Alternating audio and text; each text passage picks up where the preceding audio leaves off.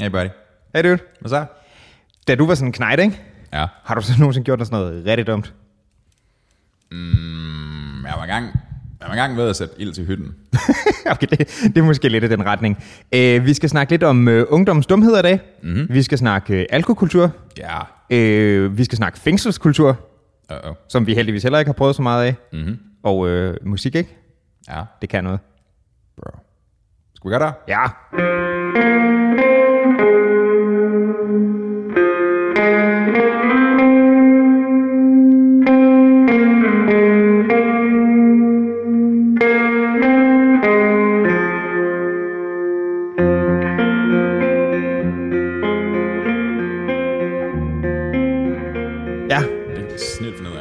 Det kan Jeg vi har ikke. aldrig gjort det før, men Der det kan vi snit finde ud af. Det, det var sådan, nu er det fandme på tide. The Peruvian Matching Powder. Super godt at tænke, jamen, jeg starter kokmisbrug, fordi der er otte mennesker, der skal høre min podcast, og det The skal være... Devil's Dandruff.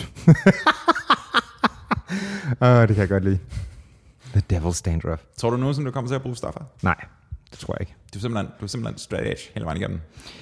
Ja, det, altså, sådan, det, det siger mig ikke noget, tanken. Altså, Men det er jo sådan en, det er jo en, altså, det her det siger jeg, mens jeg er i gang med at bælge mojito, altså det, er sådan, det, det ligger jo ret centralt for menneskets, øh, det har sådan en primær drift imod det at ændre sin bevidsthed, fordi det er sjovt, right?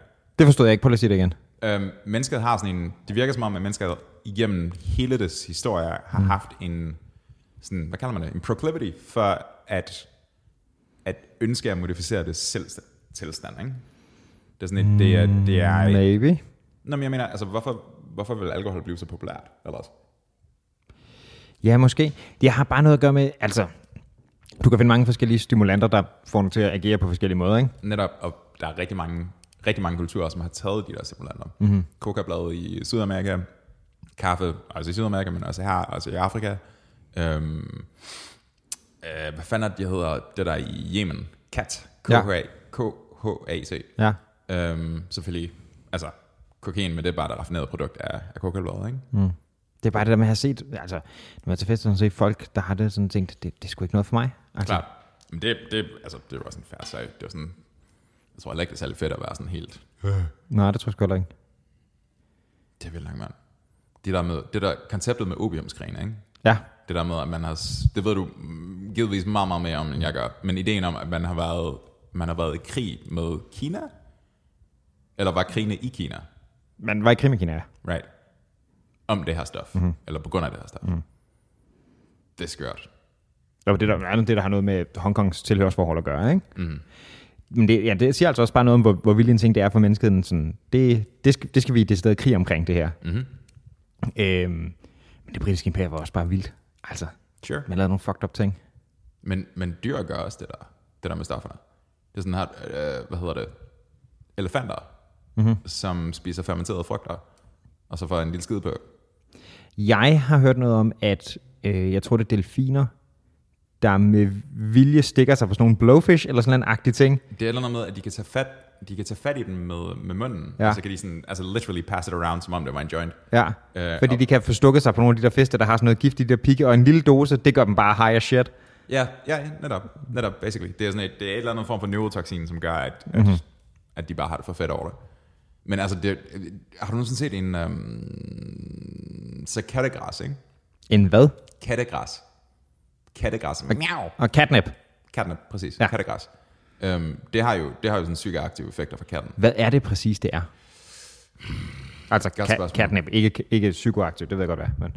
Det er et godt spørgsmål. Jeg ved faktisk ikke, hvad det er, men det er eller andet... Altså, hvis du og jeg spiser catnip, så sker der ikke en skid, fordi vi har garanteret, det er garanteret monoaminoxidase, som, som nedbryder det. Det, ja, det, det agerer, altså, hvilken organisme du smider det ind i, agerer det forskelligt med, basically. Ja, ikke? ja, ja. Altså, det er, sådan, det, er jo, det er jo sådan en af de her ting. Nu kommer jeg til at repetere nogle ting fra Rogans podcast, men det er sådan noget helt andet. Ideen om, at øhm, der er visse dyrearter, som ikke har samme sæt enzymer, som du har til mm-hmm. at nedbryde ting. Sure. Øhm, og det, det har de her forskellige dyr over tid ligesom fundet ud af at udnytte på en eller anden måde. Ikke?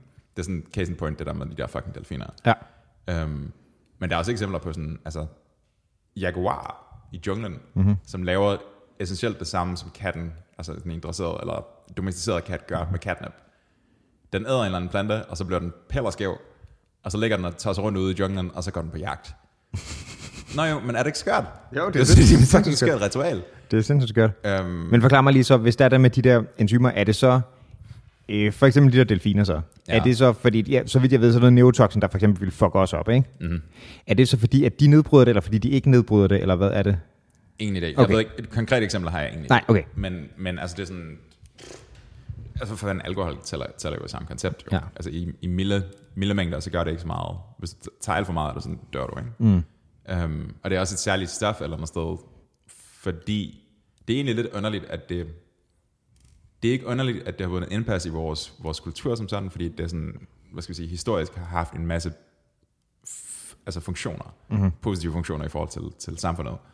Øhm, navnlig konservering og alt det der samt sammen. Men ideen om, at du og jeg kan gå ned i et hvilket som helst supermarked, mm-hmm.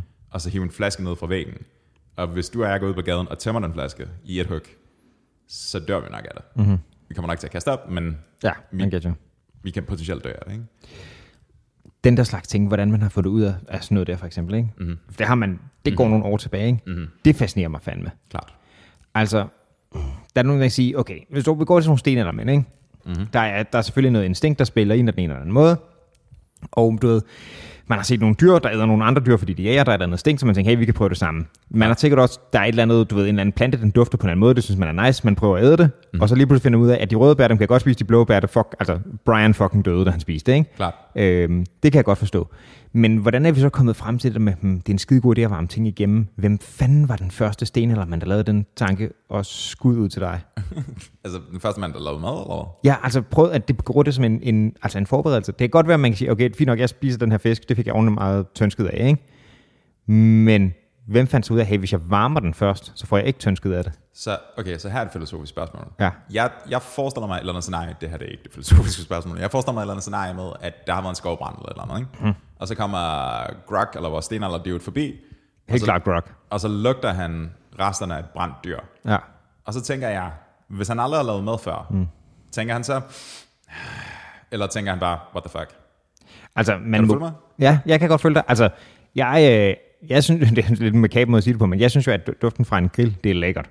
Det er fucking cool. Det men men det, grunden til, at du og jeg tænker, at det er lækkert, er jo, fordi vi har kodet det ind, at der er mad. Men det er så det, der er spørgsmålet. Er det det? Eller er der et eller andet primalt, der fortæller os, at det er duften af mad? Altså kontra, kontraargumentet til min logik, ikke? Ja. det er tankstationen. Ja. Det er, hvis du går forbi en benzinstander. Mm. Ja, ikke? Jo. Det er, sådan, det er ikke naturligt forekommende overhovedet. Men det skal vi heller ikke æde. Nej, nej, men der er bare lige fire sekunder, hvor det bare er det bedste nogensinde. Det, det er rigtigt, det lyder ligesom helt godt. limstifterne, og ligesom viskeleder i folkeren, Ja. og nye penalhuse, Ja. og ja, der er en del af dem, der, der er lidt af hvert. ja, jamen absolut. Det kan jeg godt følge dig. Duften af en, duften af en nyåbnet øh, pose kaffe. Jamen, det er godt. Men det er det sted, hvordan er man kommet frem til det? Og det er bare én ting, ikke? Det er ikke? Men det bliver endnu mere avanceret. Sådan, lad os sige, øhm, menneskeheden har sådan været rimelig fucking afhængig af at kunne æde brød i, i mange områder. Ikke? Nogle steder, der sidder man med ris, nogle steder, der, og så videre. Men brød er sådan rimelig centralt, ikke? Mm-hmm. Altså, en, en okay stor del af, hvorfor, du ved, franskmændene lige pludselig begyndte at hugge koderne af deres konge, det var, fordi de ikke havde brød nok. Altså, det er sådan rimelig centralt. Mm-hmm. Men du ved, brød, du har nogle fucking planter, som du smadrer i stykker, og tager nogle frø og grinder helt i smadrer og alt sådan noget. Hvem fanden var den første, der tænkte, altså, hvordan kommer man frem til den proces? Jeg ved det sgu ikke. Det er, altså det, det kan, kan jeg vide, om det kan være noget så simpelt som, at der er kommet lidt vand oveni, og så har de opdaget, at det er sådan begyndt at, mm-hmm. at opføre sig sjovt hen over tid. Der er i hvert fald en, jeg ved ikke om det er en røver, men der er i hvert fald en historie om, at der er noget, der hedder dulce de leche, som er sådan en, det er sådan en spansk slik ting. Det er basically... Dulce de leche? Dulce de leche, ja. Dulce de leche. Dulce Ja, ja, ja, det er, hvad er det, kondenseret mælk? Ja, der er Klart. basically kogt ind til noget karamel, ikke? Oh, yes. Og det skulle være straight up være, fordi du ved, man glemte det, da man skulle varme det, og fandt ud af, hey, det bliver sygt nice. Mhm. Mm-hmm. Ligesom man har fundet ud med forskellige medicinske ting og sådan noget. Nå, vi troede, det var noget andet, vi udviklede, det fungerer super godt til at slå bakterier ihjel, eller hvad fanden det nu er, ikke? Men der er vi alligevel så langt fremme, at vi bevidst har forsøgt at varme staset til at Klart. starte med. Klart. Right? Så det er en relativt ny ting i forhold til, men hvem har første gang fået den idé?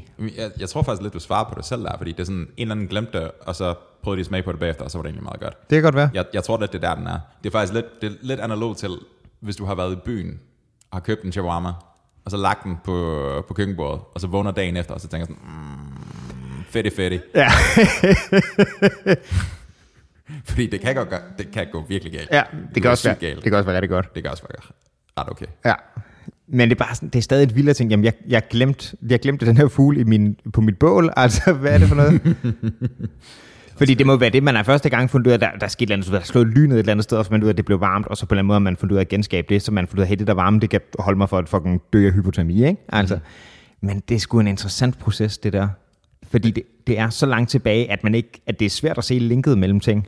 Men tror du ikke, hvis du og jeg sad, hvis du og jeg var de der fucking lodne aber, der tager sig rundt eller andet sted, ikke? Hvilket vi langt hen ad vejen er. Hvilket vi langt hen ad vejen er. Men dog, vi er lidt mere aerodynamiske end, end vores forfædre. Sure.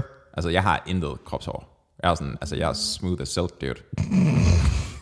Du har sådan okay meget for halsen op. Halsen op. Klart, jeg kompenserer. Jeg, jeg prøver, prøver at gøre op. Whatever the case. Jeg mener bare, hvis man sidder der og tosser rundt omkring bålet, ikke? Mm-hmm. og skyggerne er ved at blive lange, ja. og de andre er faldet i søvn, og så sidder man og knæver på det der rå stykke kød, som man har ved at jage. Mm. Og så kunne man ikke bare sådan, du ved, bare sådan smide et stykke ind i bålet, og så, hey, uh. Det kan jo godt være, det kan egentlig godt være, fordi selv, altså nu til dags, hvis man, du ved, sidder nogle stykker over med et lejrebål sådan en sommeraften og sådan noget, ikke? Mm. I er jo sindssygt fascinerende. Mm-hmm. Mm-hmm. Man, kan ikke, man kan ikke lade være med at tage en pind og sidde og prikke lortet, vel? Klart. Eller sidde og kaste små barkstykker ind i, eller hvad fanden det nu er. Er vi virkelig ude i, at vi alle sammen er sådan lidt småpymaner? Jeg skal så sige, er det der, vi er på vej hen? Fordi det, nå, men det, altså jeg er da helt klart fase. Jeg kom i problemer på et tidspunkt øh, derhjemme, altså da jeg var barn, fordi jeg prøvede at, jeg legede med en lighter, Ja. og så var sådan, something, something. Og så af en eller anden grund begyndte jeg at brænde en, en Coca-Cola-kapsel af, altså en, en plast Coca-Cola-ting, Ja. og så svejsede den sammen med bordet. Og så var sådan, og så var sådan nej. Ja, hvis man, men altså, man har på sådan den der sådan, hmm, kan vide, om det her kan smelte. Men jeg, jeg tror, det er det instinkt. Jeg tror Det bare, det er instinkt red large, og måske også overføre på en tid, hvor der ikke rigtig var andre ikke formaliserede krav på en eller anden måde. Ja. Der er, ikke, der er ikke nogen hulemand, der vil komme over til dig og sige sådan, du ved, det der, det skal du ikke gøre, fordi du er fucking fjollet, og det er sådan, brug din tid på noget fornuftigt, og HK-stillinger og alt det der samt. Altså, det kommer ikke til at ske jo. Nej, nej. Um, Og på du siger det der med kapslen, har du nogensinde lavet sådan en som knæk for eksempel? Sådan, man kan vide, hvad der sker hvis, og så er det bare fucket helt op. mm, det er jeg sikker på, men jeg kan ikke rigtig komme i tanke om. Okay, ikke nogen vildt gode anekdoter. Men har du? Ikke, øh, ikke rigtig desværre heller, nej. Det har nok mere været sådan noget, sådan, jeg vide om den her, sådan, kan vide om den her går i stykker, hvis jeg skubber ned, og så går lortet selvfølgelig i stykker, ikke? Mm. Hvor langt kan den her pind bøjes, inden den knækker? Mm. Jo, jo, det har jeg sgu nok. Jeg kan ikke komme i tanke om det, er sikker på, at jeg har. Jeg er sådan lidt... Har... Var du, var du et godt barn? Ja, er du sindssygt. sindssygt ordentligt, mand. Jeg er jo vanvittig autoritetstro. Okay. Jeg bullshittede ikke. Du bullshittede ikke? Nej, det gør jeg ikke. Hva, hva, Jamen, jeg var sindssygt ordentlig. hvordan, hvordan bullshitter man på Lolland? Jamen, jeg tror bare, at man laver en masse lort. Okay. Det har jeg sgu ikke rigtig gjort. Hmm. Hvad, mm, jeg kan ikke huske, om vi har snakket om det her privat, eller om vi har snakket om det her, men ungdomsoprør, Ja, var det noget, du gjorde af? jeg var langhåret. Du var langhåret. Ja. Det var basically det. Jamen, det er ret, du må gerne grine af det, det er okay, det er ret fæsent. Men, øh, okay. men det, var, det var ikke sådan en, sådan en, du forstår mig ikke, mor, agtig ting. Det var mere sådan en, jeg synes, det er noget at gå til frisør. Øhm, så jeg havde basically bare en øh, korthårsfrisyr, der havde fået lov til at blive lang, fordi jeg ikke gad gå op, hvilket betød, at jeg basically bare var langhåret hele vejen rundt, så jeg kunne næsten ikke se ud af øjnene. Fedt, man. Og så kan jeg huske, da jeg endelig blev klippet, det var sådan starten af 1. G, der øh, kiggede min fysiklærer på mig og sagde, du har da fået nye briller. Han var ret speciel. Hmm.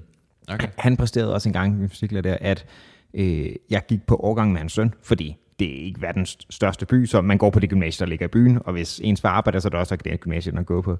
Og han havde, øh, han havde lavet sådan en ting, apropos noget, vi har snakket om i et tidligere afsnit, det der med øh, sådan en teenageknæk, der skal lige slå hinanden i kuglerne, ikke? Hmm. Han havde forsøgt at slappe en af sine klassekammerater der, havde misset, og så havde han bare fået en bonsai lige tilbage, så hårdt, at han besvimede, sådan oh. midt op i skolen. Altså en løsning, så han besvimede. Nej, altså et slag i kuglerne tilbage. Oh. Så han bare passede the fuck out med, midt i under. Dealbreaker. Øhm, Altså, det var ham, der startede. Han svingede ud, efter kuglerne på en homie, missede, fik den tilbage og går bare i brædderne. Og hans far, som så var lærer på skolen, var kommet forbi, kiggede på ham, bare gå videre. Helt køligt, mand. Vildt nok. Det, er sådan, det, det, mm, det føles som om, der burde være en lov imod det der. Jamen, det gør det. Det er, det. Bare sådan en random ballflicking. Det er sådan, mm. Men igen, han startede selv ham her. ja, det er altså poetisk retfærdigt og alt det der. Men Det er, jo den, øh, det er jo den samme ven, som jeg har, der engang er øh, forsvundet under en druktur på Amager. mm, Det tror jeg måske, jeg har anekdoteret om. Det kan man ikke sige, men det tror jeg har i et tidligere afsnit. så hvor fandt jeg ham? Jamen, øh, vi fandt ham på min nabos dørmåtte på kollegiet. Det var ham, der brød ind på kollegiet. Nå, jo, ja, klart, klart. Mm, Han kom godt hjem, altså. Ja, det ved jeg ikke. Han er også engang, da vi var på sådan noget, det var sådan lige efter gymnasiet, da, så vi, vi, vi gik i 4G, I guess. 4G. Ja. Har du aldrig hørt det før? Mm, Okay, året efter du gået i gymnasiet, går du bag, der er du 4G'er, ikke? Okay. Det er dem, der stadig kan komme med til gamle elevfest og sådan noget. Hmm. Øhm, jamen, så var vi ude hos en, øh, en ven, der boede ikke, øh, ikke så langt væk, men igen, det er sådan små byer, så man, man tager stadig bilen hen. Det, det er jo sådan en provins nok til, at man er ret hurtigt for bil mange, ikke? Og, øh, og der var vi så derude, men det var meningen, at man skulle lidt inden for Vesten. Øh, så, øh, så det var sådan, der var lagt op til, at man skulle sove der for mange. Og, øh, og lige pludselig så var homie her, han var bare væk igen, efter folk var drukket så godt stiv. Og vi fik så fat i ham næste dag, han var sådan, jamen jeg går hjem til Nakskov, det er fint. Og han havde, sådan, han havde fået sindssygt nøje, fordi han troede, han havde hørt nogle stemmer og sådan noget, men han, så han havde bare sådan skjult til sådan en mark og sådan noget, han går helt amok. Dude. Det var jo også min sådan første rigtige brændert.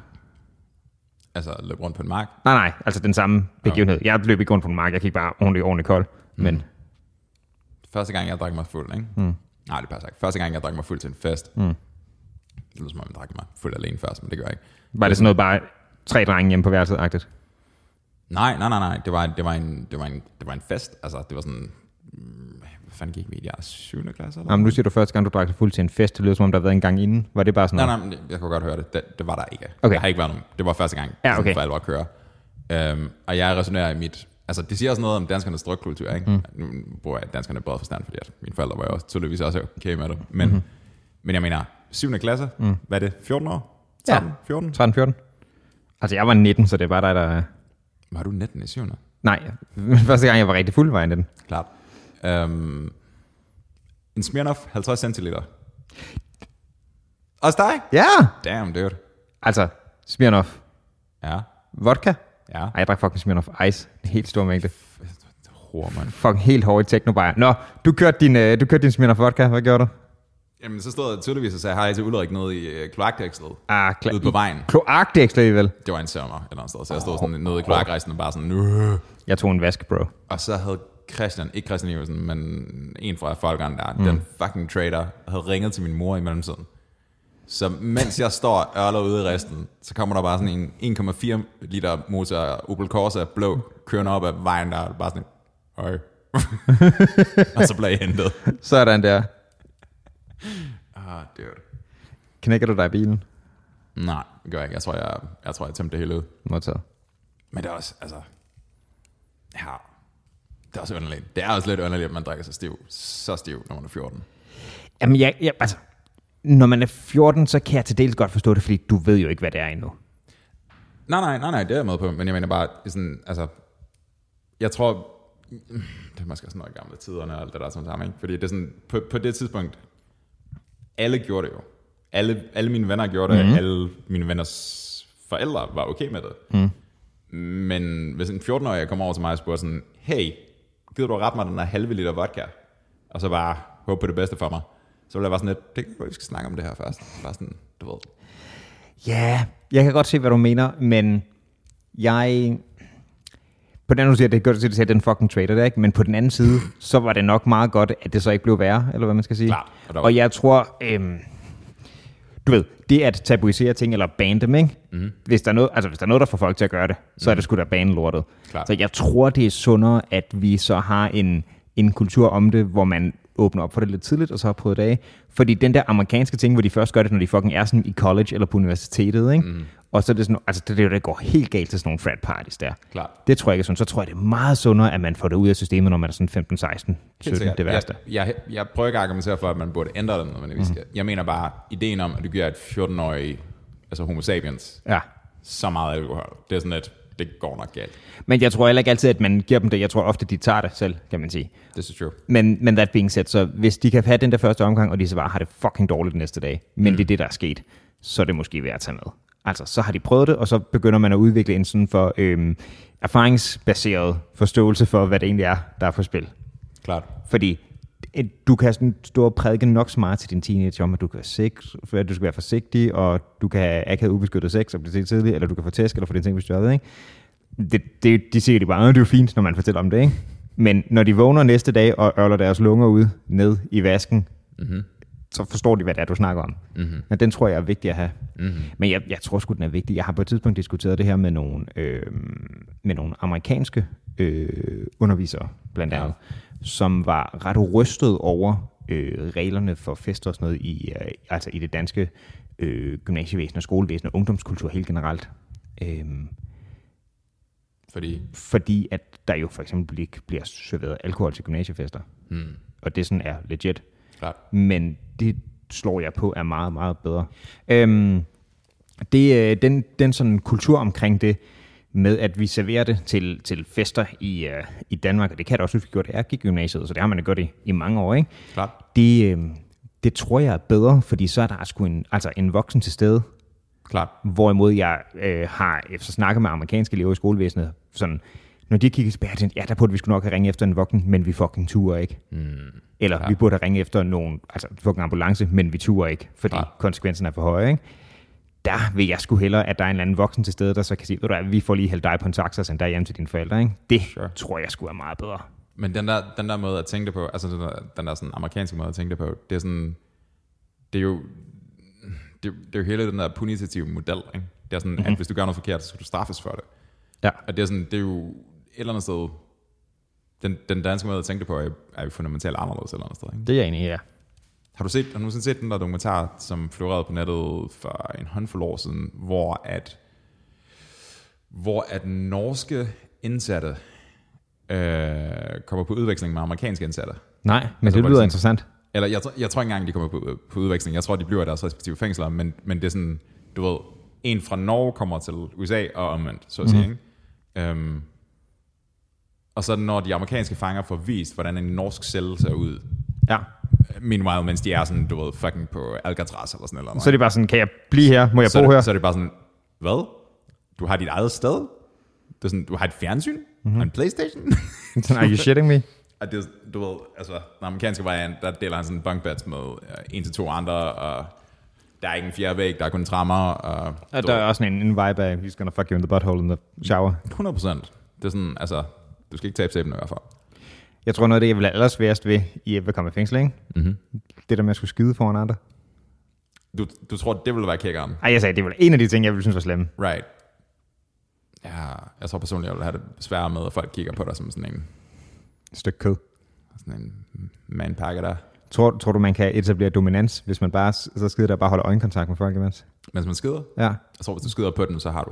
Hvis du ser aggressiv nok ud. Hunden laver jo sådan en ting, når de, øh, når de har deres nummer to. Ikke? Det der med, at de kigger på dig, det er fordi, de sådan er utrygge, de er bange for at blive angrebet, fordi man er exposed i naturen, når man gør det der. Ikke? Ja, fandme godt forstå det. Det ligner også kraften med en kinesisk gymnast, når de står der og skider. Altså, det er jo sådan helt... det er jo helt... Altså, det er jo sådan, benene er sådan fucking... Ja. Ligner den springer over bug eller noget. Men, men, men det er jo bare derfor, de gør det. Ja, det, sådan har vi det jo ikke som mennesker, vel? Så jeg tror virkelig, du kunne få sådan noget, oh, he's a psycho, hvis du bare sidder, du kan se, ham der, han har det brugt nu, fint nok. Vi, altså, du ved, jeg tager lige min avis op, så han kan få fred, ikke? Men hvis du bare, det der, når du kan fornemme, folk kigger på det, og du får, du tager til avisen ned, og der sidder bare en dude sådan, jeg tror, hvis du, er, jeg tror, hvis du gør det, og så rækker hånden mellem dine ben, og så bare kyler lorten i på, så tror jeg, du vinder. Det er sådan det der abetrik, ikke? Prøv at forestille dig, du kigger på en. Du sidder i din selv, du har lige skidt, ikke? Og du skal til at blive den anden, og du kigger over på mig, så bare så, tør mig. ja, Altså, er, det ikke den, er det ikke den der The Color Purple, hvor der sådan en shave me til den der slave ting? Det var det samme det dominans, der blev etableret der. Jeg kan sgu ikke huske det, mand. Tænker du på farven lilla, eller hvad? Altså filmen? Ja. Jeg har ikke, det er fucking lang tid siden, jeg sure. den. Det jeg sgu ikke, mand. Jeg tror, jeg tror, um, jeg tror bløde individer, som du og jeg, vil ikke klare særlig godt i fængsel. No. No. Jeg tror ikke, vi vil trives. Til gengæld er der en vis chance. Jeg ville i hvert fald nok komme ud for at gå op først og sådan okay tidligt, tror jeg. Ja, men det er stadigvæk mange år, du skal holde. Altså. Det kommer an på, hvad jeg er blevet indsat for. Ja, men hvis du ender op med de hårde drenge. Ja, det er selvfølgelig rigtigt. Hvis du ender op med de drenge, hvor du har brug for at stirre med øjnene, mens du skider, så er du der sandsynligvis længere end en weekend. Mit problem er, at jeg har ikke den der ting sådan, der er nogen, der sådan, om oh, nu skal jeg ud og rejse for dage, så lader jeg bare ved med skide, ikke? fordi det er lidt overskueligt. Den har jeg ikke. Hvad mener du? Om der er nogen, der sådan, ah, det skulle jeg ikke have noget ved, vi er i... For eksempel, vi vil ikke gå på toilettet, når vi er hjemme hos folk, eller sådan noget, ikke? fordi det er pinligt. Okay. Eller vi er ude at rejse, så det er... Jeg har tit hørt sådan, øh, læst om, eller hørt om, lad os sige, øh, unge kvinder, der første gang skal med kæresten hjem til familien og sådan noget, ikke? Så, og jeg sked ikke den weekend. det sådan, men den funktion har jeg simpelthen ikke. Den tror jeg heller ikke, jeg vil have et fængsel. Så jeg kunne prøve at smage vel sådan, Nå, nu har jeg også været 20 minutter. Nu skal vi sige med... Ja, altså jeg tror personligt, jeg vil, jeg tror personligt, jeg vil lave nummer to med lidt det samme blik som den hund der. Ja. Bare var sådan, du ved, Det er også akavet at blive angrebet, mens du på kummen. ja, ja det, det er ungentlemanly i hvert fald. Det er super ungentleman. Det er også bare en pinlig, pinligt sted at gå ud på, ikke? Der er sådan et, hvis du skulle dø spontant, så er der nogle steder, du hellere vil finde end andre. Klart. Det er jo meget ret almindeligt, at folk dør på, på, på, på Ja, det har jeg godt hørt. At, hvad er det, en hjerneblødning eller noget? Det er sådan, der, Jeg har hørt, at altså, jeg tror, man skal være exposed for det, ikke? men reelt så kan du åbenbart godt presse så meget, at der er eller andet, der popper. fuck man. På den anden side, ikke? Hmm. Altså, jeg har ikke den værste måde at gå ud på. Ej, der er dem, der er værre, men der er også dem, der er bedre. Ja, Altså, det er sgu mere nobelt, det er sådan noget. Jamen, jeg reddede de her otte kattekillinger fra en, Klart. fra en brændende skorsten eller sådan noget, ikke? klart, Det er lidt mere nobelt, end jeg sked mig selv ihjel. klart. Dødsårsag, chunks. Det er lang tid siden, jeg har været på Chungskill. Klart. Men Klart. øh, jeg tror, den har overlevet krisen. Mhm, Den lever jo bare det bedste velgående. Ja, den så i hvert fald åben ud sidst, da jeg gik forbi. klart. Det er et dejligt sted. Det, øhm, du hører ikke nogen protester herfra. Det er også lang tid siden, jeg har været der. Det kan være, vi skal finde en anledning til det, når du er på Amager. Mhm. Og etablere dominans. Og etablere dominans. Mhm. Så en af skal så skide for åben dør. Fuck man, det er også bare boss move, man. Bare sådan lægge en lort bare, bare for steady point. Hvorfor snakker vi så meget om lort, dude? Det gør vi to ret meget Det, egentlig. ja, det, jeg ved ikke, om det er noget, vi to gør ret meget, eller det er noget, jeg gør med de fleste, jeg snakker med. Altså halvdelen af vores messenger-historik handler om, om hvorvidt du har skidt eller jeg har skidt. Sure. Det er lidt forfærdeligt. faktisk. Jeg synes også, det er overraskende mange gange, jeg har fanget dig, mens jeg skulle herover, og du var sådan lidt, jeg kommer lige om fem minutter. Ja, ja. Det var sgu ikke. Der er man sådan lidt, øhm, der er man sådan lidt toiletorienteret. Jeg Er, er du typen, der læser meget på toilettet? Ja, det er. Jeg skammer mig ikke, men øh, det er. Det er sådan, sådan har det sgu altid været. Der er det også mig. Øhm, det var en af de lokaler, der var, hvor der var bedst lys i mit barndomshjem. Om det er tit sådan nogle ret, sådan nogle ret, øh, ret bright lamper. Klart. Så jeg har fået, jeg har fået kværnet nogle romaner derude. Det skal ikke være nogen hemmelighed. Ah, det er sjovt. Jeg har, jeg læste et eller andet sted, at mænd, jeg tror, jeg tror det var ægte mænd, altså mænd, mænd i, i, i gifte, gifte forhold, hedder det, Mhm. øh, i ægteskaber. Det var sådan, det var sådan et eller andet med, at ud af alle de toiletbesøg, de har, Ja. så var der sådan 25 procent af dem, det var bare for at komme væk fra konen. Det så du bare skulle sætte ud og, og, og pounde. Jeg, jeg kender også folk, der i sociale sammenhæng sådan helt klart tager ekstra tid til det der. Klart. Det gør jeg virkelig. Det ville jeg være træt af, hvis jeg skulle gemme mig på toilettet. Jamen, jeg ved ikke om, om du... Ja, på den side, der er måske også noget lidt sådan facent ved at gøre det. Og ikke bare sådan sige, må jeg, må jeg ikke bare lige læse min avis? Altså, Klart. Klart. det er lidt fedt at få lov til... Altså, hvis du alligevel har en Chesterfield, så kan du lige så godt sidde der og læse dine søndagsbærlinger, eller hvad det er, ikke? Ved du hvad, jeg tror, vi, ved du hvad, vi, mm, vi har indført et nyt koncept, dude. Du kender godt de der do not disturb sign mm-hmm. ting, ikke? Kan man ikke bare lave en halskæde? Må bare tage den på, så er det bare sådan, hold du fucking kæft. Jeg tror, du vil bare sætte ind på lokumsdøren, men øh, ja, det kunne være meget godt. Klart. Jeg gør det. Kan man få en do not disturb til tatovering? Hvis man er sådan nok godt. ægte introvert. Eller bare få sådan en, bare få sådan en, en mute-knap, som man kan give til folk. bare som et hint. Ej, det kunne også være provokerende at have det som sådan et visitkort-agtigt. En mute-kort. Eller en mute-knap. Sådan en shut the fuck up-agtig ting. Det tror jeg, det spiller okay hårdt. Det er sådan en rimelig uh, big dick energy. Ja, til Det at komme holder med den. 100, mand. Det holder 100. Kunne du finde på at få lavet visitkort? Ja, det kunne jeg godt. Det kunne jeg godt. Ikke, øh, ikke til det her, men, øh, men jeg kunne godt. Bro, hvorfor ikke? Fordi, du ved, fucking præsentøs alt det der. Men du er også nederen, hvis du kommer med et kort, der står podcaster på. podcaster. Jeg, Det skulle, jeg, du skulle være i musikregi, går jeg ud fra. jeg elsker folk, som opremser alle deres titler efter deres navn. Du ved, fysioterapeut, kunstner, slash Ja. podcaster, slash politiker. Det er sådan, nej. Jeg kan godt finde på i sådan arbejdsår med og så skrive, du ved, kant med i engelsk og historie for eksempel efter, ikke? Fordi det kan være relevant, Klar. men som udgangspunkt gør jeg ikke. Klart. Så vil jeg skrive skolen, jeg arbejder på, og så kan man sgu nok regne ud, at, hvorfor det er, ikke? Det ville være en underlig ting at skrive efter, hvis det var, at jeg var kantinepersonal for eksempel. Ja. Verdens bedste pedal. Super pedal. Um, men visitkort? ja, Om, om jeg kunne finde på at få dem lavet? ja. I musikregi, eller hvad? Ja, i musikregi kunne jeg godt, men... Jeg ved sgu ikke rigtigt. Det, det, mm, måske, jo, måske. Altså, jeg tror også, det vil psykologisk gøre et eller andet for en selv, ikke? Mhm. Mm-hmm. Man bare sådan et, okay, gør vi det her, mand. Har et fucking kort. Skal vi gøre det her? Skal vi gøre det her, bro? Skal jeg tvinge til at tage det seriøst, når lige pludselig mit navn står på et stykke pap, og det kan jeg ikke bare forlade? 100 p, en til en. Ja. Ej ja, og det synes du, det er godt lige, du kalder det, med, det er præsentøst med podcasting. Det er ikke podcasting, hastig kort, der bare står a simple heavy. Og simpelt her. Men du vil ikke stå på den måde. Det var garanteret bare være et... Det Altså, vil bare være et rigtig, det vil bare være lavet af tungmetal til et rigtig tungt kort. det vil bare være et dick pic, bro. Symbolik, bro. Dude. Det kunne fandme være hårdt at have sit dick pic som visitkort. Mm-hmm. Så ved man, altså så ham der, he's serious. Når han lægger an på dig, så er der bare fuld plade. Hvad skulle du have stående så? Mitchell Olsen, musiker. Nej, nej, nej. nej, Kunstner. Nej, nej, nej. Det ville bare være en, det ville være en QR-kode til Spotify-linket eller noget. Åh, oh, så er du sådan teknisk. Hvad fuck snakker du om? Husk, så har lavet en kurkode på det. Det er jo hele, hele, Skriv en fucking mail. hele, hele ideen med visitkortet er jo bare, at du prøver bare at forbinde dem igen, ikke? Så jeg mener bare fucking forbinde dem til det, der virker. Det er jo, prøv at vi får lavet de sidste mennesker visitkort, og så er der en QR-kode, og så går den direkte ind på... Et link, hvor der bare står tyske følelser. Klart. Og så dick pic superimposed. Det var fedt, vi godt få lavet et visitkort. Jeg synes altså, vi skal overveje at få lavet noget merch. Okay. Ja, jeg er klar. Det kan man jo få lavet ret billigt. Vi kan sælge t-shirts. Det er, jo- hvis vi vil lave t-shirts, så går jeg rundt i den dag og nat. Den bliver ulækker på et tidspunkt. Mm-hmm. Jeg har jo fået lavet t-shirt med Bjørns Band. Sejt. Oligak. Ja. Fedt. Jeg lavede det til mig, og til ham, og til hans dame, og til hans bandmate, og til hans bror.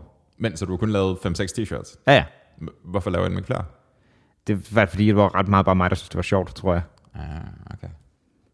Gør der det? Altså, jeg mener... Så det, jeg har noget, jeg skal rende rundt i, når, når de engang får lov til at spille koncerter og stuff. Men økonomien i det hele det der t-shirt show, ikke? Ja, Det er jo, altså... Det er jo lige til at lukke op skide i. det kunne jeg forestille mig. Hvis du køber en t-shirt til sådan... Ah, det koster 50 kroner eller sådan noget, og du prøver at sælge den til 150-200 Og oh, de koster mere for at lave bare sådan noget der. Klart. Men jeg mener bare, at det er sådan, mm. altså, din, din, din maven er, er slim. Ja, jamen, altså, hvis du skal tjene noget på det, så skal det laves på en meget uetisk måde. Det er det eneste, der er vejen fra i verden. Klart. Klart. Men jeg tror, altså, jeg tror der, kommer, der må være på, nu kan jeg ikke den præcise økonomi, vel? Men, men der må være et eller andet sted, hvor kurven knækker, fordi jeg synes, der er ret mange sådan mid-level kunstnere, mm-hmm. som, som kører okay meget på det. Jeg ved for eksempel sådan en rapper som PB, mm-hmm. som har været i gang i mange år, og som er pisse dygtig, men han er aldrig sådan helt mainstream blået op. Han er stor i sådan hiphop-miljøet, er mit indtryk, men er ikke sådan en af dem, der bliver spillet allermest i radioen og sådan noget. Right. Han sælger okay meget merch, tror jeg, men det er også, fordi han har en meget dedikeret fanbase. Right. Hvorimod sådan nogen som Suspekt, de, kan jo, altså, de kører det også bare jo. Så, men, men det er sådan en sideting, de skal sgu nok klare sig alligevel. Klart. Suspect var en af, en af de første, der åbnede i koncertsalen efter Restrictions. Ja, det var det vist. Det var, jeg tror, jeg tror endda, de lavede en ekstra runde, altså dobbelt, dobbelt koncert og alt muligt. Og Ja, de, fordi det blev også øh, aflyst. De skulle have gjort det, og så blev det aflyst igen jo. Right. Jeg havde jo, øh, jeg, jeg missede jo koncerten med dem i Royal Arena på grund af alt det her. Hmm. Øhm, og har jeg stadig ikke fået mine penge tilbage. Det er sådan lidt irriterende, jeg har skrevet til dem flere gange. Sons of bitches. Ja. Håber, der bliver en fundet en ny dato til det, når jeg nu har ligesom betalt for det. Mm. Ja. De er fede live. Suspect? Ja. Mm. Har du set dem live? Mm. De, Jeg har øh, knap nok lyttet den. Jeg har hørt ja. Sutten op for slat og fisk. Ja, ej, jeg har sgu skam hørt det. Jeg, øh, jeg synes, deres tre første plader er fedest. Hmm. Men de, øh, det synes jeg også er fedt. Det er sådan... Øh, hvad hedder han? Øh, MC Clemens, gammel dansk rapper, også lavede, øh, lavede noget med ting med dem helt tilbage og sådan noget. Og øh, da han så ligesom, da han gik i gang med sin jubilæumsturné her for nogle år siden, altså, Altså, vi snakker om Dan Clemens. den Clemens, Altså, The Clemens. The Clemens, Måske. ja, ham den gamle, Mm-hmm. der havde sin, lavet sin debut- debutplade som 15-16 år eller sådan noget. Mm. Øhm, han, øhm, han lavede også et, et, et, et nummer, hvor han basically kom tilbage. Jeg kan simpelthen ikke huske, hvad det hed. Det hedder Regnskabets Team, tror jeg bare, ligesom hans gamle plade. Øh, hvor han også kalder, øh, hvor han kalder Pervers for en højskolerapper og Suspekt for et konceptband, hvilket han som sådan har ret i. Øh, jeg tror, han er på god fod med dem nu, men har både lavet ting sammen med dem begge to, og også haft beef sammen med beef med begge to. Ikke? Men han har sådan set ret suspekt, der er ret meget et konceptband. Sure. Jeg tror, de er blevet, jeg tror, de var, jeg tror, de levede hårdt i deres ungdom, og jeg tror måske en af dem stadig lever sådan okay hårdt, men jeg tror, de er blevet sådan lidt gammel far i forhold til os, ikke? Hvis der går lidt fast. Men var det ikke nogen med, med en eller anden knaldet, en eller anden kone? Jo, altså Suspect startede som, øh, som hvad hedder det, øh, True LS, og, øh, nej undskyld, som, øh, som OGE og By D og Rune Rask. Øh, og det var ligesom dem, der lavede den, den første plade. Mm-hmm. Og så lavede de en anden plade, hvor der var en gang imellem var en fyr, der hed True Les med på os, som var sådan rapper-producer. Øh, Orge og øh, Andreas øh, Bajde er rapper, og så Rune Rask er producer. Ikke? Så kom True Les ind og var sådan lidt en blanding af det, og var lidt ind over den anden plade, hvor de også for eksempel havde LOC på rigtig meget så som gæst, og så var han sådan blevet rigtig medlem ved den tredje plade, tror jeg nok, det hang sammen. Deres tredje plade er nok umiddelbart den, der havde mest sådan gennemslagskraft at slå igennem. Det var den, hvor Sutten op for slap og Prima Nocte og sådan nogle ting, der var på. Ikke? Så ham den tredje der, True Less, Ja, han er på, når det sådan rigtig sparker af. ja, han var med ind over der. Right. Og jeg tror at det var mellem den tredje og den fjerde plade.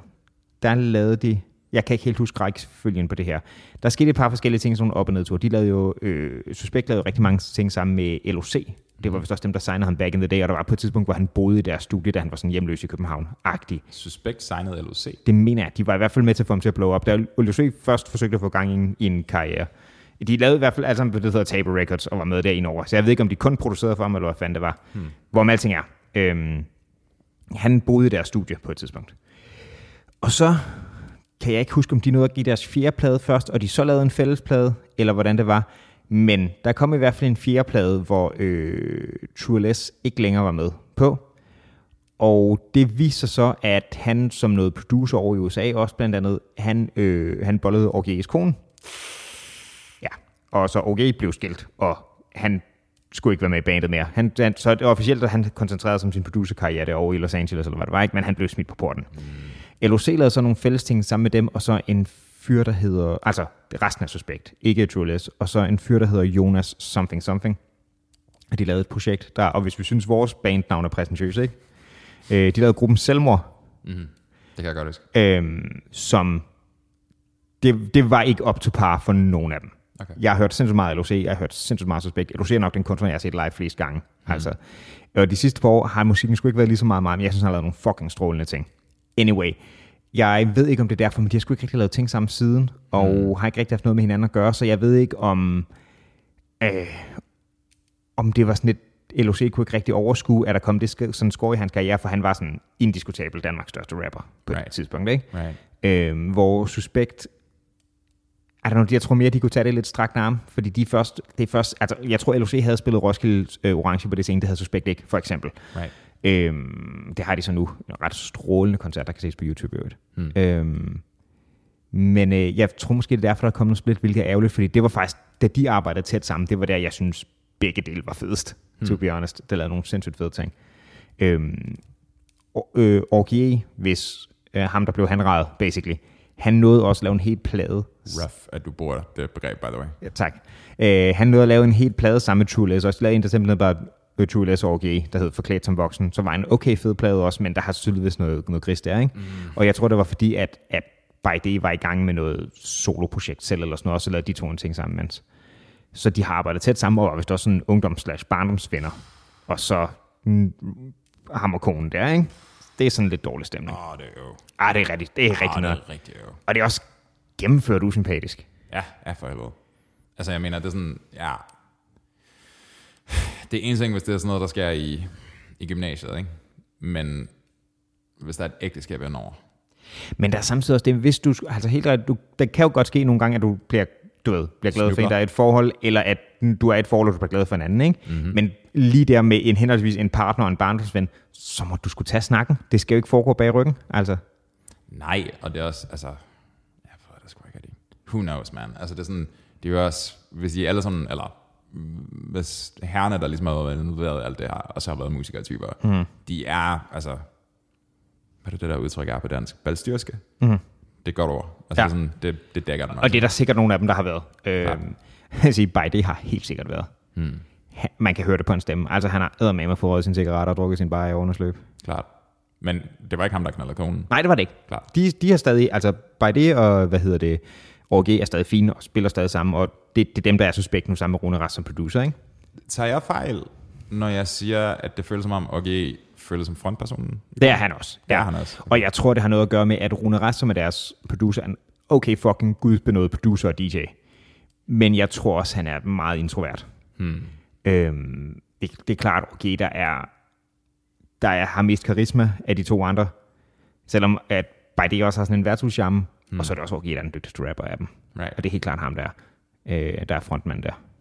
Det er underligt, ikke? Fordi jeg, jeg, har ikke, øh, jeg har overhovedet ikke nørdet deres udtryk nok til at kunne vide, hvem laver hvad, og Nej. ved, hvem der fylder mest videre. Men, men jeg mærker det der udelukkende ved at kigge på den. Ja, Og det er lidt, det er lidt sjovt. Altså han er, han er vist også fysisk den største af dem, ikke? det tror jeg. Det kan jeg sgu egentlig ikke huske. Allerede der. Ja. Det er sådan en, det er en underlig ting. Men det er også, okay, det er, det, det er ham, der rapper på Kinky Fetter af de Klart. to. Mm-hmm. Og bare det er ham, der lyder sådan enormt hæs og slidt, som han har røget flere dage i træk. Må så.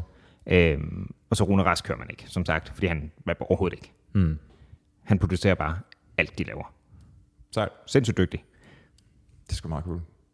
Det er en ting, jeg altid har sådan, respekteret i, i det der sådan, hvad skal vi sige, sådan, jeg ved ikke, hvad fanden man kalder det, hip-hop, pop, rap, something mm-hmm. game ting. Altså, hvor det ikke er, du ved, det er ikke NWA, som står et eller andet sted i et, et lokal og drikker sådan noget, og det ene og det andet, men at det er en producer plus en kunstner, som møder op på kontoret, mm-hmm. og så bare laver de der beats for evigt. Men det, det, det findes jo nogle stykker af det. Altså mm-hmm. Gangstar har kørt det samme, men helt tilbage med NWA også. Ikke? De havde jo også nogle sådan, altså rimelig faste fordelinger. Altså Dr. Dre rappede en gang imellem, men han skrev ikke lortet selv, og. Right. til gengæld producerede han. DJ Yeller producerede, hvorimod at det var især var, altså hovedforfatteren der var selvfølgelig Ice Cube, men øhm, MC Ren, også en pissedygtig rapper. Hmm. Og så var der Easy E, som havde meget attitude og havde den der frontperson der sådan noget, men han var egentlig ikke verdens bedste rapper. Var det ikke også ham, der havde pengene? Jeg tror, at det var ham, der havde forbindelser til Shoot Knight. Ja, Right. og, og derigennem. Øh, så han havde et eller andet der. Right. Øh, men der, den var jo allerede øh, back in the day. Og sådan som Timberland har jo haft det, det forhold med en del kunstnere faktisk, ikke? Øh, hvor de ligesom har kørt sådan nogle, lavet nogle, en hel plade eller to plader eller sådan noget, Klart. hvor det helt klart var dem hele vejen igennem. Hvorimod der er jo meget pop nu i dag, hvor så er der to numre på den kunstner, og tre af den anden, og så er det skrevet den tredje og den fjerde, men, og den eneste gennemgående er ligesom sangeren, som ikke nødvendigvis skriver selv heller, ikke? Klart. Det, jeg hader det der. Altså, jeg ved godt, jeg ved godt der kommer go- god musik ud af det, men det der med, at det har været sådan, altså 14 forskellige sangskrivere over, mm-hmm. det er sådan, det, det fucker med et eller andet. Jeg ved godt, der er sådan en, du ved, der er en, øhm, der er sådan en autenticitetstrope, Ja. ja. som bliver, bliver trumfet ind over, ikke? Men jeg, det føles stadigvæk underligt. Men den der autenticitetstrope er vel mere prævalent i nogle genrer end andre. Helt sikkert, men det er bare ideen om, at du ved, f- igen, så lægger man sin, sine egne øh, projektioner mm. ud over det, ikke? men musik for mig er, er typisk en eller et band, en Mhm. person eller et bands emotionelle, singulære udtryk. Ikke? Ja. Men jeg forstår dig godt. Jeg, jeg føler den også lidt selv. Jeg, prøv, jeg prøver selv ikke at gøre det for meget, eller hvad man skal sige. Nu hører jeg jo også øh, primært hiphop, og der er det sådan en, en hvis, hvis, du, hvis du ikke selv har skrevet dine ting, så har du åbnet dig for angreb, basically. Ikke? Øh, men mindre du Dr. Dre, så er det sådan set.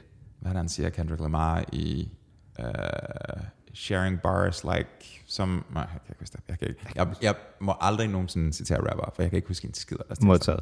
Men det er sådan en, en ret central der, hvorimod der er mange sådan rigtig store popartister, også nogle jeg rigtig godt kan lide, som sådan, det er ikke dem, der har skrevet det selv. Altså, øh, sådan, Ja, ja, der er masser af eksempler på, at folk kan altså, altså, synge lortet ud af en anden sang. Ja. Det er der masser af eksempler på. Men Altså- det er mere den der med, at du har fucking 14 kokke indover. Altså sådan en som, som lad os sige, Rihanna for eksempel, mm. ikke? Synger fandme godt. Mm-hmm. Øhm, og jeg tror sgu også godt, hun kan noget med musik selv derudover. Jeg tror også, hun har skrevet nogle af tingene, men der er også nogle ting, som er skrevet af øh, Skylar Grey, eller er skrevet af Lady Gaga, inden hun selv slog igennem. Sådan nogle ting der, ikke? De har right. Altså også skrevet for nogle store nogen. Right. Øhm, fred, hvad med det? Bedste eksempel, jeg kan på det der, det er Prince. Nothing compares to you. Det var Sinead O'Connor, der kom igennem med den første, ikke? Var det det? Ja. Okay. Der er den der, det er muligvis før din tid, altså du var pikke lille på det tidspunkt, Ja. ja. men der er den der kendte video af Sinead O'Connor, som synger Nothing Compares to You musikvideo, hvor man stort set kun ser hendes næsten skaldede hoved. Ja, Og det er sådan, det er musikvideoen, basically. okay. Um, og så går der lang tid, før Prince egentlig altså sådan står ved det nummer. Men når han bare sidder, sidder og spiller den med klaver, altså fuck. Men, men at stå ved det, betyder det, at det er ham, der har skrevet det? Eller? Ja. Okay, på den måde. Jeg skulle lige være med, hvilken vej det var, det gik. Klart. Altså det er, ikke, det er jo ikke fordi, at han har outsourcet nummeret på nogen måde. Det er bare, at han har skrevet. Han har ghost it for, øh, til Ja. en eller anden, ikke? Men det er også det for eksempel en af, øhm, ja, man skal man sige, om det er Eminem eller Rihannas øh, største hit, I Love the Way You Lie. Mm-hmm. Det er, øh, det er skrevet øh, af Skylar Grey, som er sådan en, en, en, en kvindesanger, som Eminem arbejder meget sammen med os. Øh, Og hun, så der findes også nogle beta-optagelser af, hvor det er hende, hende, der indsynger det, og det er typisk hende, der synger det til koncerter selv, fordi det er ikke altid med de her Rihanna med som feature, men Scarlet Grey er ikke større, end hun kan faktisk godt komme med på turné. Klart, klart. Øhm, det er sådan lidt interessant, mm-hmm. at det er der, men sådan, nå, men det må også være underligt at sidde som sangforfatter og tænke, jamen jeg vil, ja, altså nogle af dem tænker jo specifikt, at jeg er skriver, jeg, jeg skriver det her nummer og forsøger at sælge det til Rihanna, Britney Klart. eller hvad der er, ikke? Klart. Det må også være specielt, fordi det betyder jo stadig, at at karakteren, der synger det, betyder et eller andet. Klart. Men, men allerede der, øh, der begynder der også at være de der, de der floskler igen, ikke? Fordi det er sådan, når sangskrivere skriver der sange, mm-hmm. øhm, du ved, hvis vi forestiller os den ene ekstreme af spektret, er, er den der totalt idealiserede romantiske forestilling om kunstneren op under tagryggen, du ved, gammelt brød, koldt vand, mm. whatever, whatever, og føler et eller andet helt vildt meget, og så, du ved, går de ud og spiller sangen, og så, uh, oh, Ja. ja. det er dig, en til en, mm-hmm. agtigt.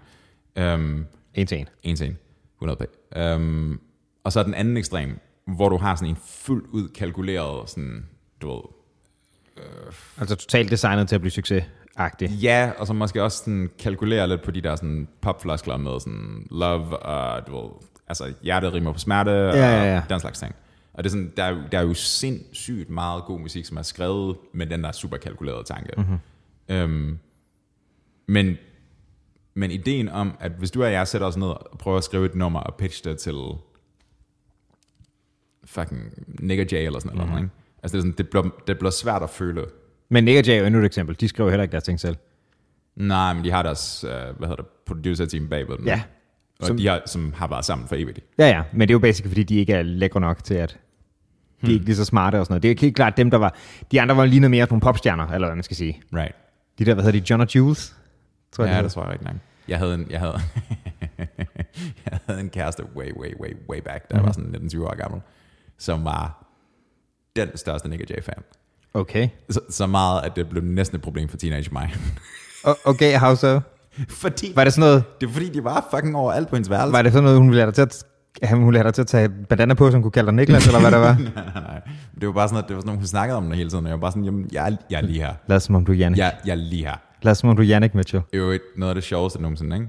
det er, at danske medier har skrevet, at, jeg kan ikke huske, hvem det er.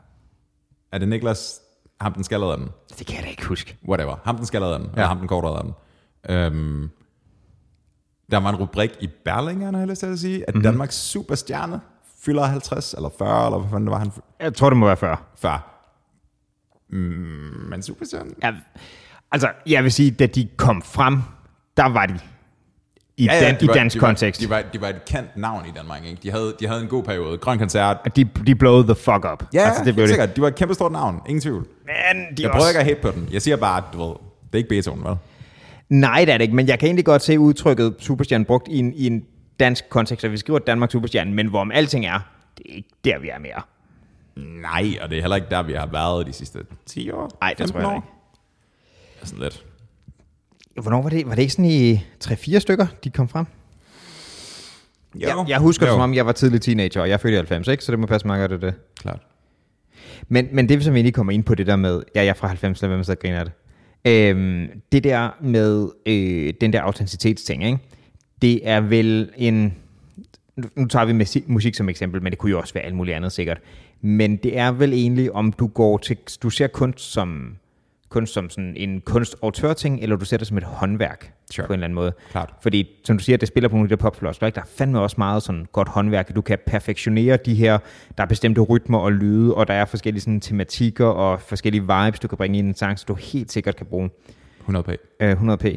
Men der er jo også folk, som går, nu tager jeg rapper eksempel, fordi det er det, jeg kender mest, ikke? som går ekstremt teknisk til deres sangskrivning, altså meget systematiseret med, øh, med når, de, når de skriver og rim og alt sådan noget. Ikke? Det får jo også et element af håndværk i det. Øhm, Klart. som nogle gange går mere op i den tekniske performance og det sproglige, end nødvendigvis at sende en, en følelse igennem det. Så det, Right, men, men den er sådan, den der rap, øh, hvad kalder man det? Rap har den der fælles ting, som egentlig også ligger ret meget i metal. Den der med, det er sådan den der, øh, det er typisk i, i konteksten af maskulin virtuositet. Ikke? Mm-hmm. Så det er sådan, Sure. at det er den her med, hvor man demonstrerer sin, sin overlegenhed færdighed mm-hmm. på et givet instrument, eller med sin Ja. stemme, eller med sin rap, eller et eller andet. Sure. Øhm, så det kan godt være, at det ikke er en følelse som i, at du ved, Nas ligger i sin følelsesvold, og bare føler en eller anden kærestesorg, men Det er bare at være den fedeste, er også klart en det er også en følelse. etableret genre-ting. Klart. Nej, men det er, det er, også, et, det er også et emotionelt statement eller andet sted. Det er Ja, sådan, sure, Det er sure. sådan en, fuck ja, yeah, jeg er manden-agtigt, ikke? Mm-hmm. Um, det, er jo, det er jo sådan en, det er sådan en, en dominans-ting i stedet for. Sure, absolut. Um, men, men det virker bare ikke nær så godt, hvis... Nu bruger vi Nas som eksempel, fordi han var jo... Altså, han, så vidt jeg forstår, det ved du bedre end jeg gør, men han forfatter sin egen ting. Og ja, Nas er måske den realeste rapper, der er. Klart. Han er så real. Så jeg mener, hvis vi, du ved, hvis vi pludselig finder ud af, at en af hans numre har 14 medforfattere på, mm-hmm. på hans tekster, så, så trækker det også et eller andet ud på en eller anden måde, ikke? Ja. Um, jeg, jeg tror bare, jeg tror, det er der, den er. Ja, det gør det. Det er også, jeg synes måske også, der er noget som rap, der synes jeg måske også, at, at personaen i højere grad end i meget pop spiller en rolle for tekstuniverset. Mm-hmm. Måske er det fordi, og jeg mener faktisk, det lyder negativt, men jeg mener faktisk generisk i en rimelig neutral forståelse lige her, ikke? Generisk hvad? Øh, jamen, altså generiske emner, eller du ved, kærlighed, eller fest, eller growing up, eller hvad fanden det er, som man tit finder sådan noget pop, ikke? Mm-hmm. Det er det er, det er nogle skæringer, som er sådan nogle typiske temaer, som kan være sindssygt godt skrevet, men også er noget, som kan generaliseres ret meget. Tit da de holdt i et sådan, et, det, det forbinder ikke nogen bestemte personer eller, eller sådan noget den retning, hvor rigtig meget hiphop jo er forbundet ret tæt med kunstnerens øh, baggrund, opvækst, og er også for eksempel geografisk super lokaliseret. Ikke? Klart. Øhm, så på den måde, så tror jeg, at, at personen spiller mere ind, og så tror jeg i højere grad, at folk kan blive sådan lidt, ja, men du kan fortælle nok så meget om, hvor hårdt det er at, gå, at, at, at gro op på striden i Los Angeles, men du får fucking Wisconsin, så luk røven, ikke? Klart. Øhm, det, det synes jeg ikke er noget pop rammes af på samme måde. Nej, men, men pop har bare heller ikke nogen... Pop er kendetegnet ved... Der var en, der var en, øhm, der var en musikvidenskabelig teoretiker, som, jeg tror det var Simon Thread, som udtalte, at, øhm, at pop er en... Jeg tror, han brugte, jeg tror, han brugte udtrykket residual category. Okay? At det er sådan, altså det han grundlæggende prøvede at kommunikere ved det var, at når du har taget alt rock væk, alt gospel, alt world music, alt whatever, whatever alt rap, alt, den masse du har tilbage, det er pop. At det er bare sådan, det, når alt andet er fjernet, når alle konventioner og genre har overtaget, så har du det her restprodukt tilbage. Men det synes jeg da er lidt interessant, for nu er jeg ikke musikhistorieekspert, men vil man ikke, øh, vil man ikke datere pops udspring før rappens? Mm, sandsynligvis, men hvad mener du? Hvordan kan det så være det, der er tilbage, hvis alt det andet er fjernet, hvis nogle af de andre ting er noget, der først er kommet efter det? Hvorfor kunne poppen ikke være der før rappen? Jamen det er det, jeg siger. Men hvis, hvordan, hvordan kan poppen være det, der er tilbage, når blandt andet rappen er fjer- fjernet, hvis rappen først er kommet efter? Er det, jeg spørger. Man kan rappen ikke bare gro på bagefter, hvis det var Det, et det ved jeg ikke, det er det, jeg spørger til. Right. Altså, jeg, det, det hans pointe var, eller det, det er sådan, som jeg læser med i hvert fald, Ja. Det er, at det, er en, det, som vi forstår ved genre typisk, for eksempel rock, soul, R&B, funk, whatever, Ja. øhm, at det ligesom har faste konventioner og stilistiske træk, der ligesom er forbundet til sig, som værende, det her signifier, at det er Okay. øh, Norwegian forest metal eller et eller andet, ikke? Som vi hører meget. som vi hører ekstremt meget. Øhm, meget øko. Øhm, men, men det har pop bare overhovedet ikke på samme måde. Det har, for det første, det har ikke rigtig nogle genre-kombinationer som sådan. Det har, det har nogle ting, som bliver brugt enormt meget, navnlig popform for eksempel. Mm-hmm. Og tematikker, som er sådan helt, hvad er det, de der fire varianter. Øh, jeg elsker dig, jeg hader dig, jeg savner dig, jeg vil ønske, du kom tilbage. Eller noget something, something. ikke? Sure. Øhm, og, og det er der et eller andet sted noget om. Der er ikke, der er ikke sådan, du ved, du kan godt hoppe du kan godt hoppe til starten af 90'erne, og så lytte til 90'er poplyden i starten af 90'erne, og sige sådan, det der lyder som 90'er pop. Mm-hmm. Det, kan du, det samme kan du gøre i 0'erne, det samme kan du gøre i 10'erne og 20'erne. Sure. Men, men det vil være rigtig, rigtig svært at pege på, hvad er det, der gør det pop? Kan du følge mig? Ja, det kan jeg godt. Det kan jeg godt. at der er, sådan en, at der er, en, der er en ting, som ligesom signifier, at det her som værende fucking, det her det er reggae metal, right?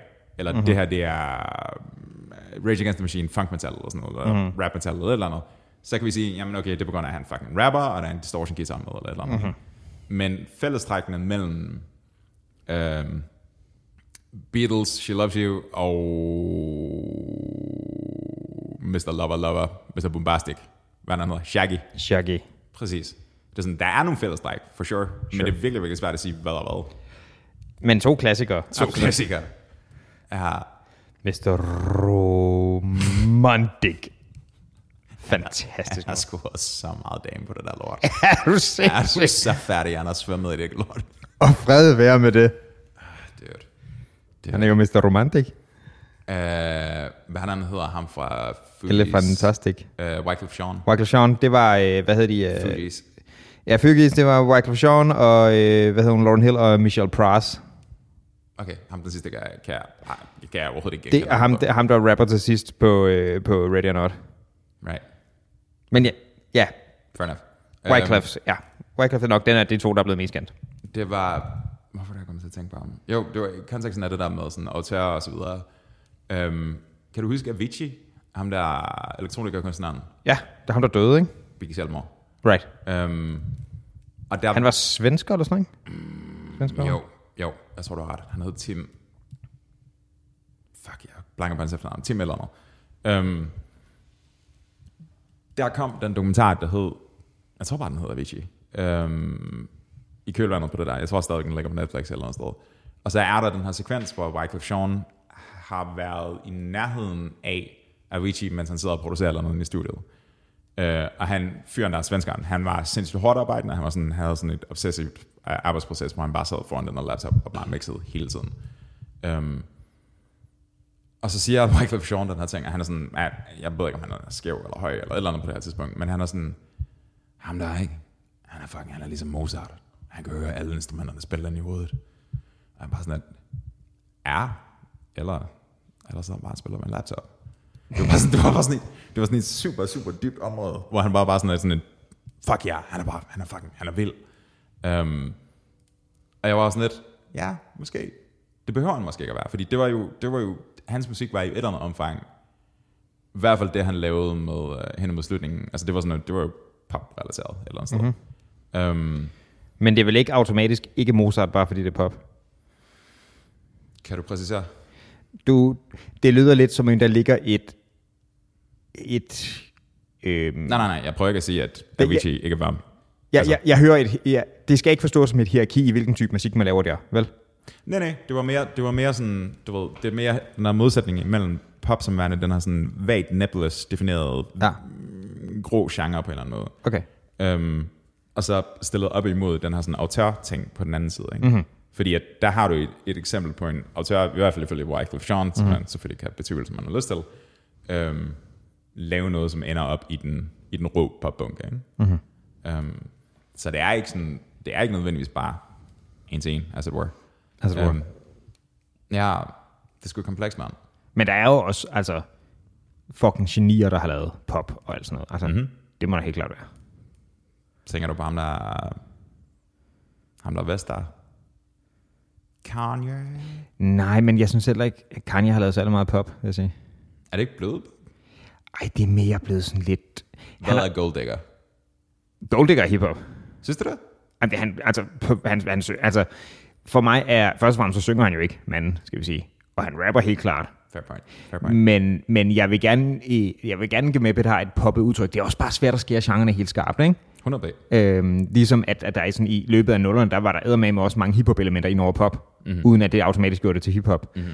Øhm, apropos, øh, så er en af de sådan, største eksempler på det, hvor man kan diskutere det, det er jo sådan noget faktisk som Nick og Jay, fordi de har eddermame trådt den linje meget. Hvor det var sådan en, hvis man var, hvis man var hiphop-fan, så var man vred på Nick og Jay automatisk, fordi det ikke var hiphop nok. Hvilket er sådan interessant, fordi hvis man spurgte i interview, var de sådan, nej, nej, vi laver ikke hiphop. Mm. Vi laver bare pop. Mm-hmm. Og respekt for det. Mm-hmm. Øhm, Kanye, men det handler Kanye er altså også en bedre producer, end han er rapper, alt andet lige. Right. Right. Han er fandme god til til gengæld. Ja, altså, jeg, jeg synes godt om det, men jeg, jeg tror ikke, jeg værdsætter på samme måde, som du gør. Det kan godt være. Det, Men det er det blevet senere. Han har også lavet soul-albums og sådan noget senere. Mm. Han er, blevet, han er meget, meget kristen. Mm. Øh, og lavet sådan helt gospelagtige ting og sådan noget. Har du set interviewet med Rogan? Nej.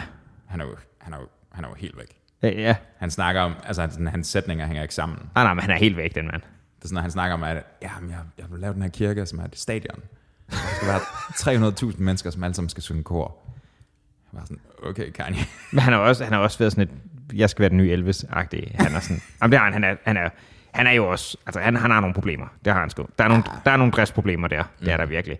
Men han er, jo- han er jo fandme autør til gengæld mange måder. Hold kæft, han, han føler det der. Mm-hmm. Men han var sådan, det er sjovt, at det har skiftet for meget, ikke? Fordi så han kommer ind med sådan den der meget kristne ting. Og øh, på sin debutplade havde han jo blandt andet nummeret Jesus Walks, som jeg, det var hans gennembrudsnummer, jeg synes er sindssygt fedt. Er det hans gennembrudsnummer? Ja, Okay. det er det. Han havde, øhm, han havde lavet, jeg ved ikke om det var den første single, men det var der først slog igennem. Det kan godt være Through the Wire fra den samme plade, kom før, det ved jeg faktisk ikke. Hmm. Øh, men han havde jo lavet nogle ting inden da, hvor han især havde produceret for Jay-Z. Det var sådan, han startede, og havde basically sådan et Bro Magos rap. Right. Og så havde han fået lov til det, og blev så også signet af, af Jehovah, ikke? Jehovah. Jehovah. Jehovah. Øhm, men der kommer han ind i med den der ret sådan interessante, okay, vi kan lave den her genre rap, som det er, med alle de ting, de kan snakke om, som man godt kan argumentere for sådan okay pro- problematiske. Øhm, men der, hvor folk bliver fucking triggeret, det er, når jeg begynder at snakke om fucking Jesus. Really? Mm-hmm. Klart. Øhm, og jeg er godt klar over, at vi måske godt kan sidde med sådan et ureligion er et mere stødende emne, fordi vi sidder og er sådan rimelig ateistiske og sådan noget, vores tilgang der, ikke? Men hvis man kommer fra en primært kristen tradition, så kan jeg godt forstå, at man siger, at det her det er jo en god ting, hvorfor fanden må jeg ikke snakke om det? Men jeg må gerne snakke om fucking at skyde folk for at overleve. Klart. Den, den kan jeg godt forstå, at man problematiserer. Så er han så senere blevet sådan måske lidt for kristen bagefter, ikke? Men, Ja, altså jeg kan, jeg, okay, så hør.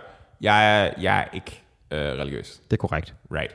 Så, men, altså, ideen om, at, lad os sige, at jeg var, lad os sige, at jeg var stærkt troende mm-hmm. i den ene eller anden retning, at der så kommer en fyr forbi med, du ved, det ego, som Kanye West nogle gange har, mm-hmm. og så prøver at reframe forholdet til Gud, altså som et privat anlæggende mellem ham og Gud, mm-hmm.